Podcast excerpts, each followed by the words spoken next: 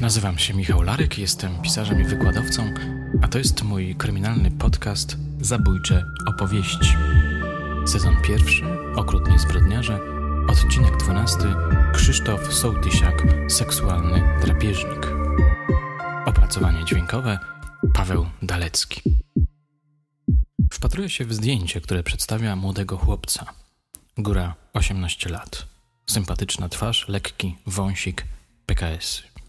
Wydaje się bardzo łagodnym człowiekiem, ale to tylko pozory. Podpis pod czarno-białą fotografią głosi, że to wampir z Zarzewskiej. Niewiarygodne, ale niestety prawdziwe. Moi drodzy, dzisiaj opowiem Wam historię młodziutkiego seryjnego zabójcy, który na początku lat 80. steroryzował Łódź. Posłuchajcie. 1 września 1980 roku Łódź rejon ulicy Liściastej i ulicy 11 listopada. Godzina około 7.30.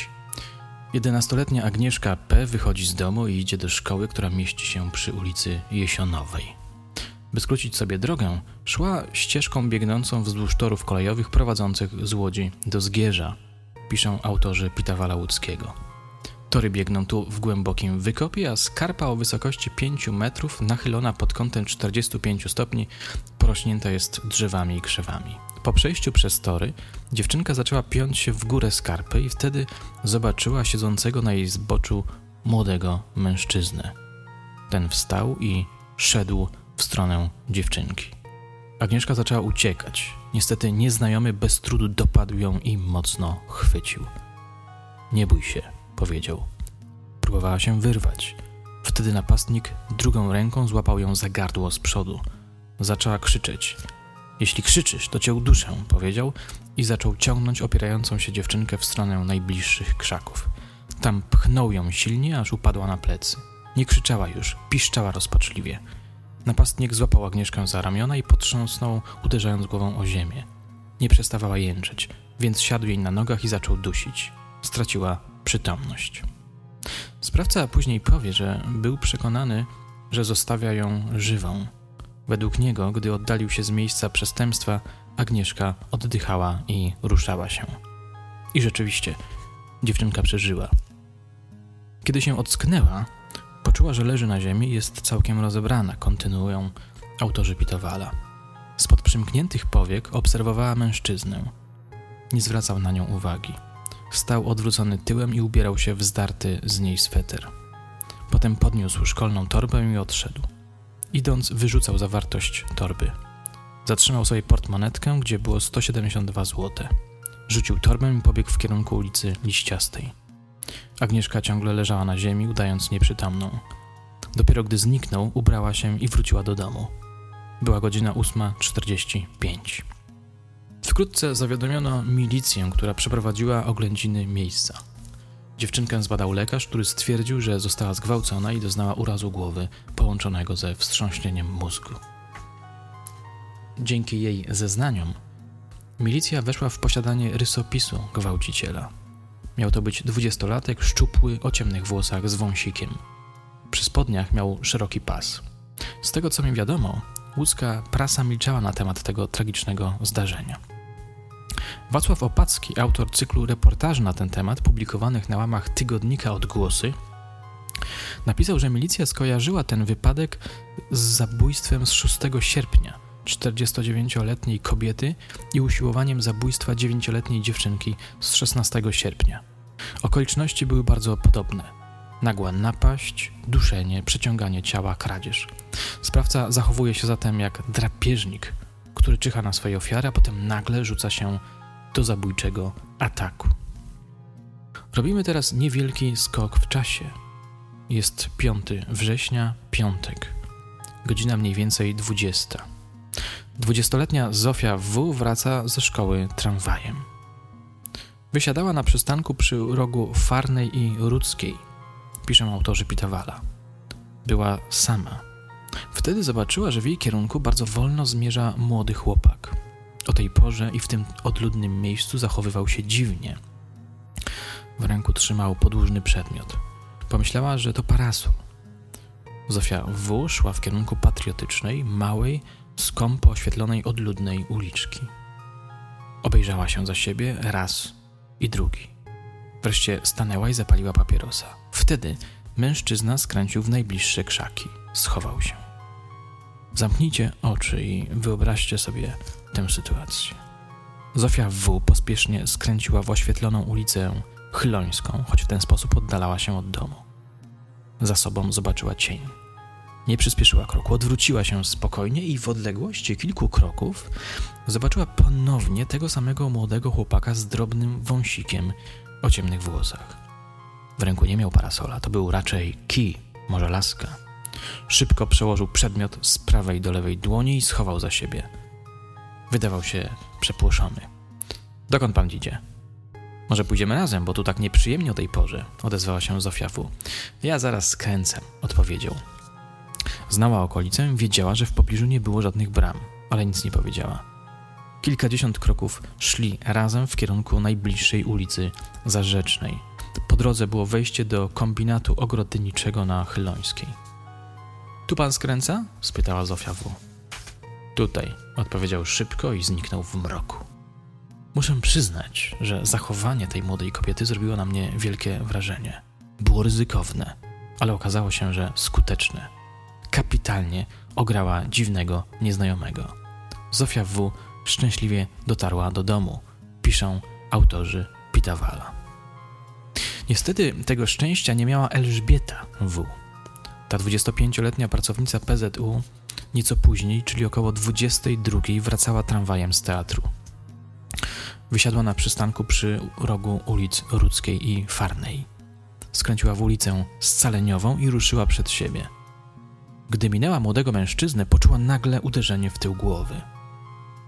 Gdy mnie wyprzedziła, powie później zabójca, zrodziła się we mnie myśl, by tę kobietę zamroczyć i obrabować.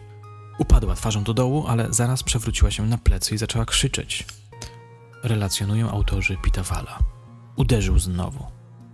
Mimo, że przestała krzyczeć, uderzył ją jeszcze kilka razy. Później chwycił za nadgarstki i przeciągnął pod siatkę ogrodzeniową, gdzie ciemność była gęstsza. Zdjął z jej ręki zegarek. Wrócił na drogę, pozbierał rozrzucone torby i przeniósł je pod lasek. Wrócił i zaczął ją rozbierać. Przestał. Przeciągnął ją przez drogę pod las, gdzie zostawił torby. Jeszcze raz wrócił na drogę, podniósł hak i zaniósł go pod drzewa. Teraz rozebrał swoją ofiarę całkowicie i zgwałcił. Jeszcze żyła, oddychała ciężko. Nie sprawdzał potem, czy jest przytomna, czy nie. Chciał ją ogłuszyć i obrabować. Chęć zgwałcenia przyszła później. Po wszystkim ubrał się, zabrał torbę foliową, do niej wrzucił inne torebki i poszedł na przystanek. Jej zwłoki znaleziono na zajutrz. Po zgłoszeniu tego faktu milicja rozpoczęła czynności operacyjne, dzięki którym ustalono bardzo interesujące fakty. Posłuchajcie. Tego właśnie dnia, 5 września, przed godziną 21 w okolicy ulicy Scaleniowej widziany był młody, szczupły mężczyzna. Pisze cytowany już Wacław Opacki. Stanisław H., oczekując na przyjazd tramwaju przed godziną 21, wszedł pod zadaszenie przystanku tramwajowego przy zbiegu ulicy Rudzkiej i Staleniowej.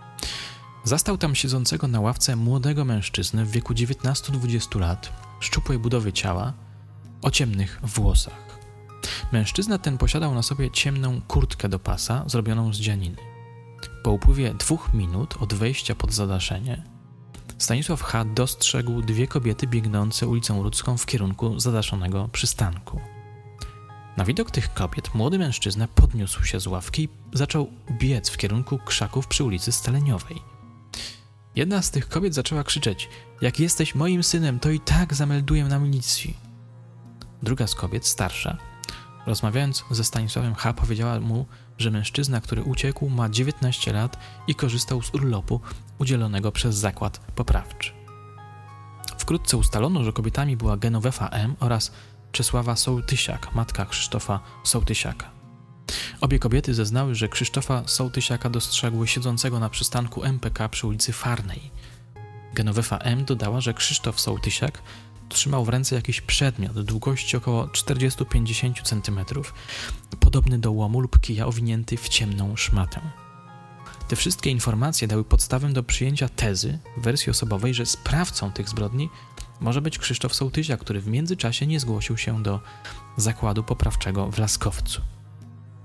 Zaznaczę tylko, że pod artykułem redakcja zamieściła kadr z filmu Wernera Herzoga Nosferatu Vampir. Fotografia przedstawia Klausa Kińskiego pochylonego nad kobietą.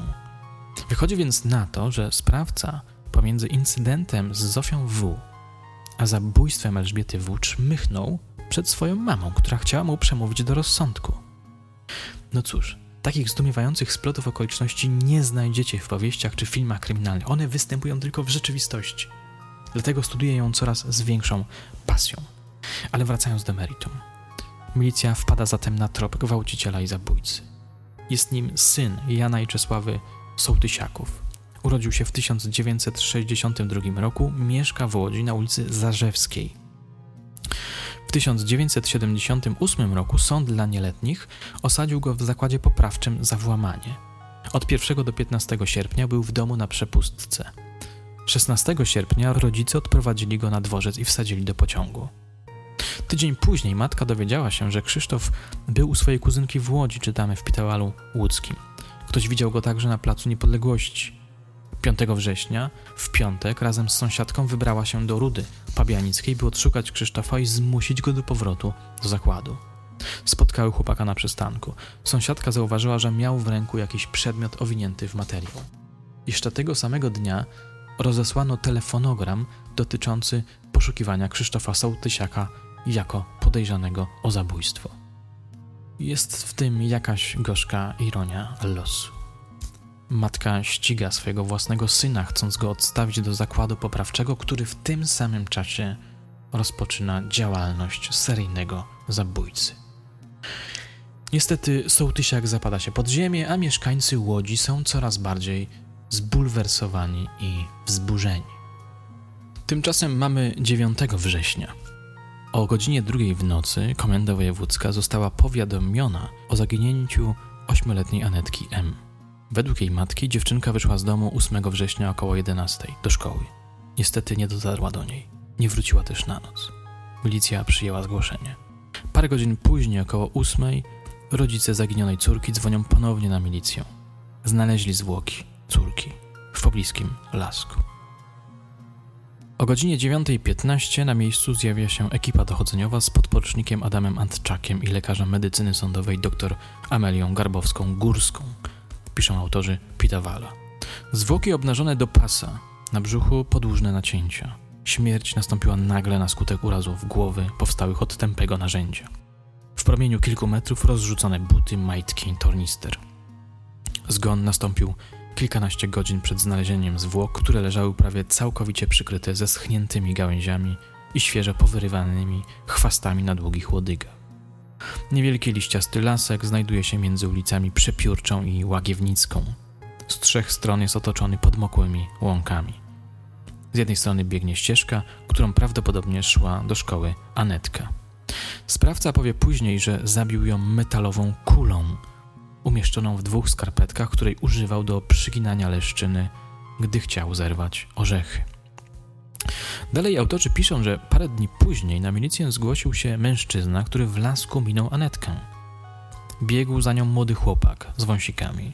Świadek uznał, że to jej ojciec i nie zareagował. Niestety.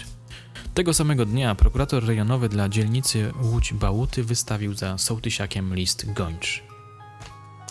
Wracam jeszcze do 8 września. Dlaczego? Dlatego, że tego dnia sołtysiak zaatakował ponownie. Najwyraźniej zasmakował w bestialskich polowaniach na dziewczynki i kobiety. Czyżby poczuł się bezkarny?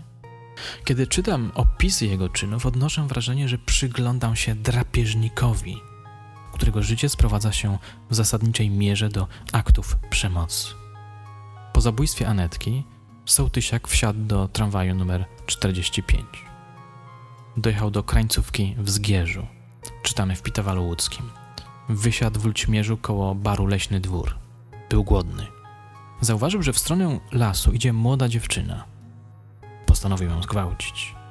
Cicho sunął za nią w odległości około 20 metrów. Przygotował kulę. Kobieta nie odwracała się.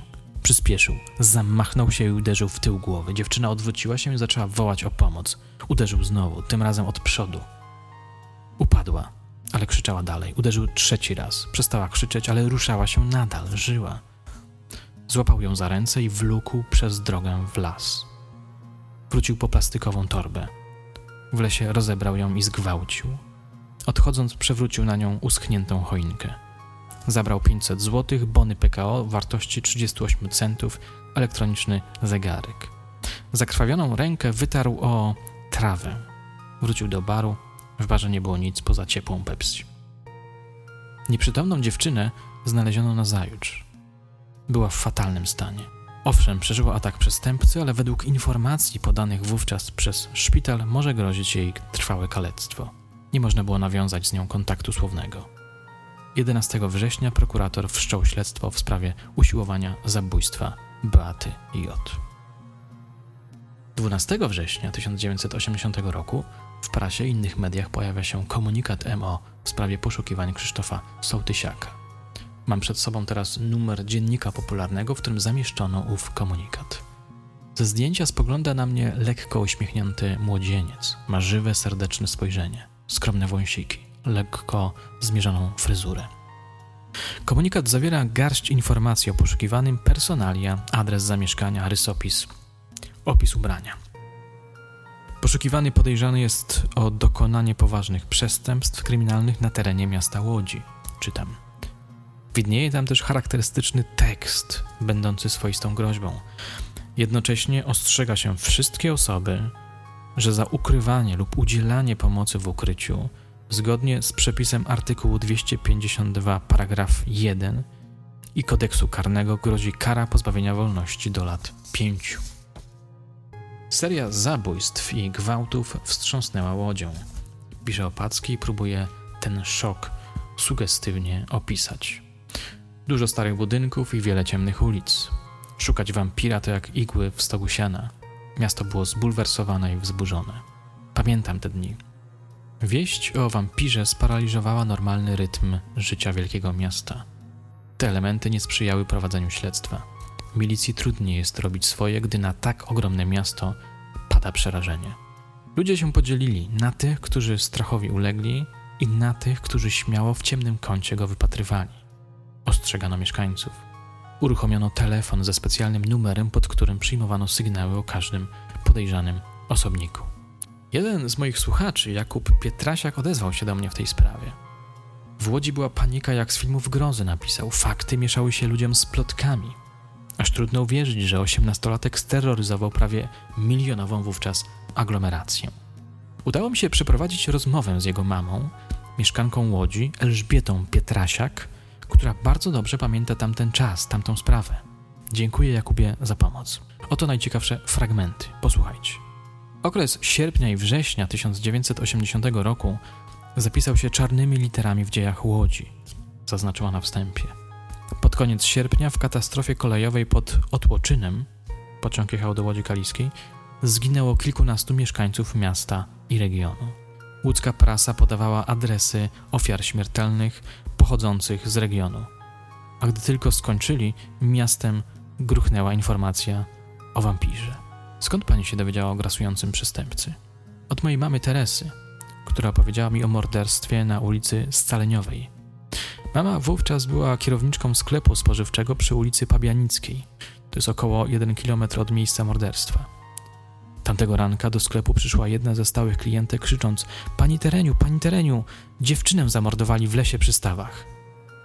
Może się pan zdziwi, ale gdy mama opowiedziała mi o zbrodni przez telefon, nie byłam specjalnie przejęta. Łódź i jej aglomeracja liczyły w tamtym okresie niemal milion mieszkańców. Zdawało mi się, że w tak dużym mieście tego typu zbrodnie czasem się zdarzają. Nie przewidziałem, co przyniosą kolejne dni. Co ludzie mówili na temat tej sprawy? Sprawa morderstwa na Rudzie szybko zaczęła rodzić plotki. Moja mama jest zdania, że przyczyniła się do tego podsłuchana przez jednego z mieszkańców Rudy rozmowa milicjantów, którzy dokonywali oględzin przy Staleniowej. Otóż mieli oni wspomnieć o gwałcie na dziewczynce w drugiej części miasta. I zaczęło się. Ludzie zaczęli sobie przekazywać informacje o dewiancie, który w kilka dni zgwałcił dwie osoby, z czego jedną zabił. W rozmowach tych pojawiły się zarzuty, że milicja milczy w tej sprawie, by zataić swe porażki śledcze. Ludzie opowiadali o przeróżne opowieści o morderstwie na Staleniowej. O tym, jakie obrażenia miała odnieść ta biedna dziewczyna, że była tak zmasakrowana, że morderca pozbawił ją twarzy. Inni mówili, że była rozpruta. Najkoszmarniejsza opowieść, którą usłyszałem w tramwaju, mówiła, że morderca wsadził jej do pochwy kreta. Ciągle żywe stworzenie, usiłując się wydostać, miało siać spustoszenie w organizmie dziewczyny. Wtedy naprawdę zaczęłam się bać. Z jednej strony nie wierzyłam, że ktokolwiek byłby zdolny do takiego bestialstwa, a z drugiej nie wierzyłam, że ktoś zmyślił tak odrażającą historię. Jakie emocje wywoływały doniesienia na temat wampira?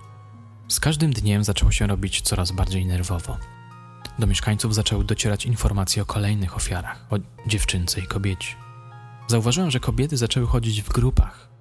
Na przystankach mężczyźni oczekiwali na swoje żony, siostry, córki. Mój Wojtek wychodził, gdy tylko mógł. A gdy z jakiegoś powodu nie mógł, wracałem do domu z koleżanką i umawialiśmy się, że zadzwonimy do siebie, gdy będziemy już u siebie w domu. Ale nie zawsze było to możliwe. W tamtych czasach nie każdy posiadał telefon stacjonarny w domach.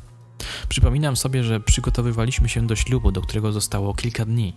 Ostatnie dni przygotowań, a miasto w strachu. Ludzie szeptali o milicjantach, o bibokach, którzy nie potrafią rozwiązać sprawy. Na ulicach przybyło umundurowanych milicjantów. Czy rzeczywiście zapanowała wtedy psychoza? Tak, zapanowała. I wiem, co sprawiło, że do niej doszło. Co takiego? W tamtym okresie w mieście nadal funkcjonował przemysł włókienniczy. W szwalniach pracowały przede wszystkim kobiety. W jednym zakładzie nawet kilka tysięcy włókniarek. Wystarczyło, że plotki dotarły do jednego z zakładów i lotem błyskawicy o wszystkim wiedziała cała łódź. Nikt tego nie robił w złej wierze. Kobiety zwyczajnie ostrzegały siebie przed niebezpieczeństwem. Inna sprawa, że ludzie bajki piszą. Na ulicach wampir był tematem numer jeden. Oliwy do ognia dolały dwie kolejne zbrodnie. W tamtym czasie ludzie słyszeli o panice, do której doszło na Śląsku, gdy działał Marchwicki. Ale takiej psychozy nikt się nie spodziewał. Sama myślałam, że takie rzeczy dzieją się na filmach lub w powieściach, a jeśli już to w małych, cichych miasteczkach. Tu psychoza opanowała niemal milionowe miasto. Po aresztowaniu w mieście zaczęło się uspokajać. Prasa szeroko opisywała szczegóły śledztwa. Oczywiście wychwalano działania milicji. Przełom w śledztwie następuje 17 września 1980 roku. O 17.45 oficer dyżurny Komendy Miejskiej Łódź Górna dostaje drogą telefoniczną informację, że sołtysiak stoi z dziewczyną na skrzyżowaniu ulic Dąbrowskiego i Kilińskiego. Na wskazane miejsce wysłano trzech funkcjonariuszy. Podobno wyglądało to tak. Milicjanci parkują starą syrenką. Jeden z nich podchodzi do poszukiwanego. Sołtysiak? Pyta. Sołtysiak, odpowiada ten mechaniczny i dopiero po chwili, jak to ujął Opacki, baranieje. To proszę do samochodu. Rzuca milicjant. Sołtysiak, czyli wampir z Zarzewskiej, grzecznie spełnia polecenie. Tak właśnie wyglądało zatrzymanie łódzkiego terrorysty. Jakże to niefilmowa scena, prawda? I dlatego taka kapitalna. Syrenka buduje odpowiedni klimat, lekkiej przaśności. Kto czytał moje powieści, ten wie, że uwielbiam coś takiego. Gdy mężczyźni wsiadają do samochodu, ruszają w stronę komendy. Sołtysiak zostaje przesłuchany. Płacze i przyznaje się do winy. Wacław Opacki w maju 1982 roku napisał trzy reportaże na ten temat. Dwa z nich zaczynają się od frazy Nazywam się Krzysztof Sołtysiak i urodziłem się 28 lutego 1962 roku w Łodzi. Przy okazji polecam ich lekturę. Układają się w ciekawą opowieść biograficzną o młodziutkim, ale i bezwzględnym seryjnym mordercy. Dziennikarz do tego, wróci, do tego tematu wróci jeszcze na początku 1984 roku. Przyznam, że to pasjonująca lektura. Znajdziecie tam na przykład konfrontację zabójcy z mamą. Dlaczego to zrobiłeś? Nie wiem, dlaczego to zrobiłem. Mama chciała mu załatwić adwokata. On odmówił, twierdząc, że to jest bez sensu, bo i tak będzie wisiał. Znajdziecie tam też rozmowę Opackiego z Sołtysiakiem, który prezentuje się w niej jako mądry, skromny, oczytany człowiek. Ale wracając do rzeczy. W czasie przesłuchania Sołtysiak opisuje dokładnie wszystkie popełnione przez siebie przestępstwa. Okazuje się, że ma bardzo bogaty życiorys przestępczy. Dość wspomnieć, że w wieku 14 lat został członkiem gangu włamywaczy. Co ciekawe, Sołtysiak niemal do samego zatrzymania nie wiedział, że jest poszukiwany. Nie czytał prasy, nie oglądał mediów. 16 września, czyli dzień przed zatrzymaniem, podsłuchał rozmowę na swój temat. Wynikało z niej, że poszukiwany jest przez milicję za zabójstwo. W związku z tym postanowił zgolić wąsy. Zrobił to nazajutrz rano. Dziennik popularny z dnia 19-21 września podaje informacje o zatrzymaniu zwyrodniałego i niebezpiecznego przestępcy. Sukces łódzkiej milicji głosi nagłówek, tytuł zaś obwieszcza groźny przestępca pod kluczem. Zapewniono nas, że prokuratura stara się śledztwo w tej sprawie jak najszybciej zakończyć, napisał dziennik. Śledztwo jednak trwało dość długo, ale to nie powinno dziwić. Tego rodzaju przestępcę należy bardzo dokładnie zbadać, żeby akt oskarżenia miał solidne podstawy i nie został zakwestionowany przez obronę czy sądy kolejnych instancji. W latach 81-82 Sołtysiak zostaje poddany gruntownym badaniom. Badał go m.in. dr Lew Starowicz, który rozpoznał u niego osobowość nieprawidłową oraz patologiczną formację psychoseksualną w postaci sadyzmu seksualnego. Jak się można domyślać, biegli wskazali jego dzieciństwo jako okres, w którym uformowała się jego zbrodnicza osobowość. Nie stwierdziliśmy objawów choroby psychicznej, niedorozwoju umysłowego ani cech zespołu psychoorganicznego, pisali w swojej ekspertyzie biegli. Stwierdzamy natomiast, że Krzysztof Sołtysiak rozwijał się w niesprzyjającej atmosferze domowej i wcześniej ujawnił on znaczne nieprzystosowanie się do harmonijnego współżycia w społeczeństwie. Powyższe pozwala na stwierdzenie u Krzysztofa Sołtysiaka zaburzeń osobowości oraz zgodnie z rozpoznaniem psychologa psychozaburzeń w postaci sadyzmu. Brak jest podstaw do przyjęcia, aby w stosunku do zarzucanych mu czynów miał on zniesioną lub w stopniu znacznym ograniczoną zdolność rozumienia znaczenia lub kierowania swoim postępowaniem. Z dostępnych materiałów wynika, że bardzo złą rolę w życiu Sołtysiaka odegrał jego ojciec, który według psychologa był zawsze krańcowo prymitywny wobec syna. Wykazywał wobec niego wzory aspołecznego i agresywnego zachowania. Starowicz podkreśla, formacyjny charakter przebywania w środowisku zakładu poprawczego. Brakowało związków heteroseksualnych, istniejące potrzeby seksualne przy braku treningu w kontaktach heteroseksualnych, cechach osobowości nieprawidłowej sprzyjały rozwinięciu się zachowań agresywnych wobec kobiet, które przybrały u sołtysiaka formę skrajnego gwałtu i sadystycznych tendencji przechodzących w okrucieństwo szczególne formy wspomnianej agresji wyrażającej stan głębokiej frustracji, poczucia własnej wartości męskiej w oczach kobiet i potrzebę ukarania ich za to, są zarazem zgodne z kierunkiem rozwoju osobowości. Rozpoznania biegłych układają się w opowieść o młodziutkim człowieku nieśmiałym w stosunku do dziewcząt, lubiącym czytać, który na skutek złego wychowania oraz traktowania powoli przeobrażał się w seksualnego drapieżnika. 5 kwietnia 1982 roku w Sądzie Wojewódzkim w Łodzi rozpoczął się proces Sołtysiaka, który przyznał się do zarzucanych mu czynów.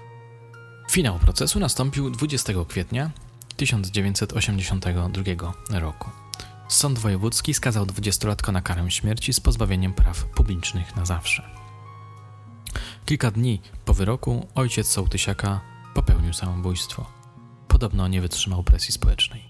Oczywiście to był finał tego procesu, a nie całej historii. 31 stycznia 1983 roku Sąd Wojewódzki ponownie rozpatrywał sprawę Sołtysiaka. Uznał go winnym i skazał na karę śmierci.